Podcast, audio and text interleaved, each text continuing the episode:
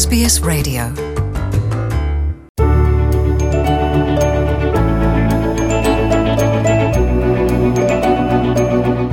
استرالیا یو ښکلی او له عجایبو ډک هیواد دی استرالیا د میلیونونو مهاجرو کور دی او په دې کور کې خلک پر درې سو ژبو خبرې کوي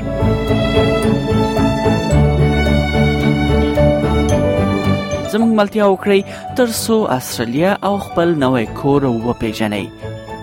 اس بي اس پښتو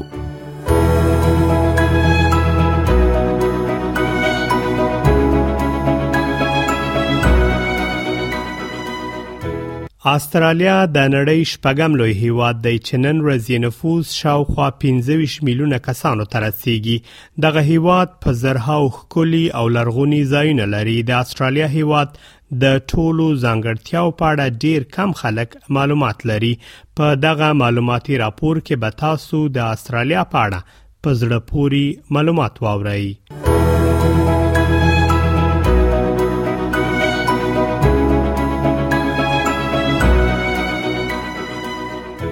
د استرالیا هیواد اصلي اوسیدونکو بومیان دي چې شاوخوا 15 زره کال وړاندې استرالیا ته راغلي خو نن ورځ د استرالیا یوازې 3 سلنه اوسیدونکو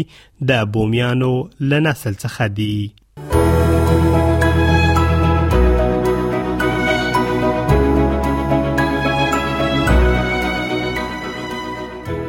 د استرالیا له کشف څخه وروسته لومړی ځل په 1980 میلادي کال کې نږدې 1500 زندانیان له انګلستان څخه استرالیا ته راوستل شوی ځکه په پیل کې انګلیسانو له استرالیا څخه د یو زندان په توګه کار اخیسته خو وروسته بیا اروپایانو په استرالیا کې استوګنه هم پیل کړه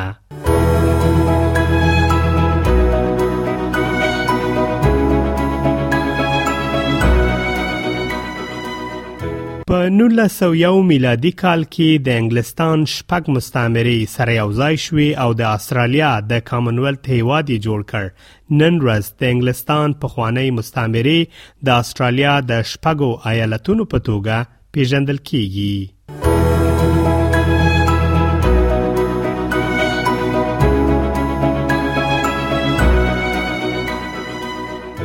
نن ورځ استرالیا د نړۍ له بیلابیلو هیوادونو څخه د راغلو انسانانو ګډ کور دی په استرالیا کې د بیلابیلو مذهبونو او کلتورونو خلک استوګنه لري او په شاوخوا 250 ژبو خبرې کوي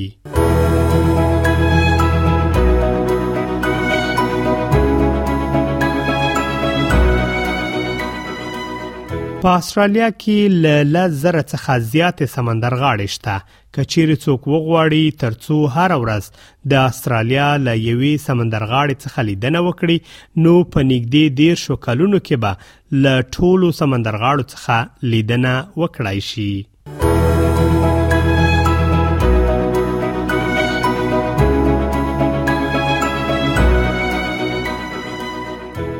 د سیدنی ښار د استرالیا تر ټولو لوی ښار دی یو شمیر بهرنیان په دې باور دي چې سیدنی د استرالیا پلازمینه ده خو داسې نه ده د استرالیا پلازمینه کانبرا نومیږي چې په 1908 میلادي کال کې د سیدنی او ملبون ښارونو ترمنځ د اختلاف لامل ټاکل شوې ده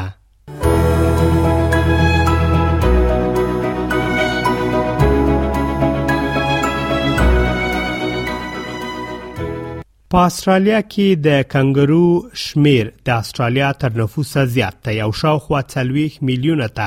رسیږي کنګرو بیلابیل ډولونه لري او کولای شي په یو ساعت کې لسګونه کیلومتره سفر وکړي د کنګرو یو ډول د ریډ کنګرو په نامه یادېږي چې کولای شي په یو ساعت کې او یا کیلومتره مزل وکړي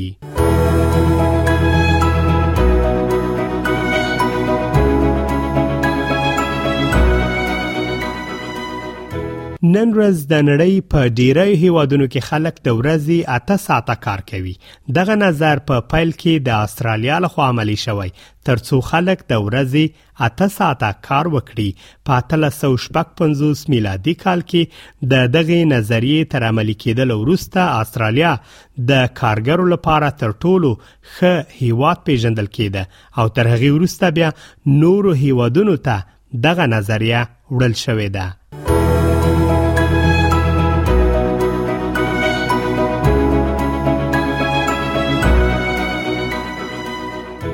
په استرالیا کې رای اچونه جبري ده او کچیر څوک رای ورنکړي نو حکومت به یې جریمه کړي د جریمې اندازه په هر ایالت کې فرق کوي په ځینو ایالتونو کې تر 50 ډالرو پورته ده د خزو د حقونو لپاره هم په استرالیا کې ډیر کارونه تر سره شوي ل نوی زیلند څخه وروسته استرالیا د نړۍ دویم هیواد دی چې خزو ته پکې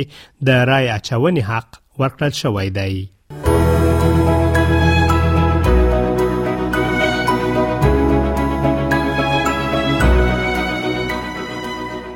یو جالب خبر دا ده چې د استرالیا لومړني پولیس دولس تنه محکوم شوي کسانو څخه و چې د نورو مجرمین ترمنځ یې ښه اخلاق درلودل.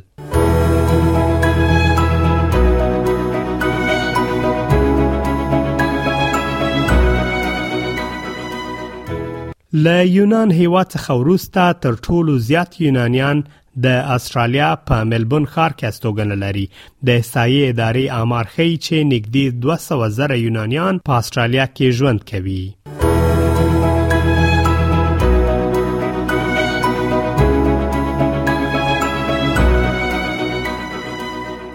سره لدی چې استرالیا ښه اقتصاد لري او حکومت هم له کورنۍ او بیروزګار کسانو سره مرستې کوي خو بیا هم په استرالیا کې شاوخوا یو سل شپاړس زره کسان بې کوره دي چې پر سړکونو او پارکونو شپې سبا کوي د نړۍ د نورو هیوادونو په پرتله په استرالیا کې زیات شمیر داسې کسان شته چې خپل پیسې په قمار وهي له همدې امله ده چې د نړۍ شل سلنه د قمار وهلو ماشینونه په استرالیا کې فعال دي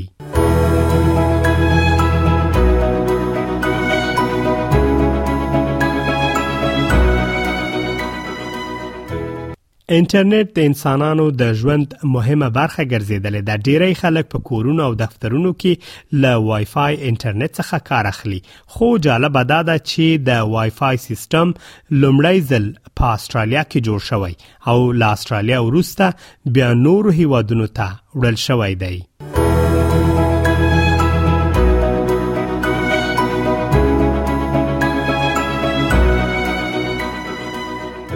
د استرالیا شپږوش سلنه اوسیدونکو داسې کسان دي چې په نورو هیوادونو کې پیدا شوي او اوس په استرالیا کې استوګنه لري خو یو یا سلنه د استرالیا اوسیدونکو بیا داسې خلک دي چې پلرونه او نیکونه یې په تیرو 250 کلونو کې آسترالیا ته راغلي او دلته یې خپله استوګنه پیل کړې ده آسترالیا ته د اوخبه افغانانو د راتګ پر مهال اوخان هم آسترالیا ته راوستل شوی خو نن ورځ آسترالیا له مصر څخه زیات اوخان لري او هر کال آسترالیا سعودي عربستان ته اوخان صادروي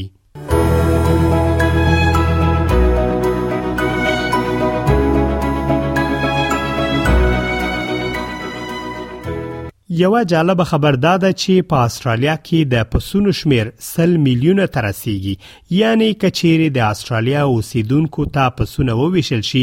نو هر اوسیدونکو ته څلور پسونه رسیدي استرالیا د پسونو د شمیر لپاره په نړۍ کې دویم ځای لري او چین د یو سلو پنځوس میلیونه پسونو په درلودلو سره د لیست په سر کې ځای لري د کرکټ په برخه کې هم استرالیا ځانګړي ریکارډونه لري د کرکټ سیالیو لومړنۍ لوبه په 1822 میلادي کال کې د استرالیا او انګلستان لوبډلو ترمنځ تر سره شوه همدارس استرالیا یوازنی هیواد دی چې د یو ورځنیو سیالیو نړیوال کپ یې 15 ځله ګټلی دی.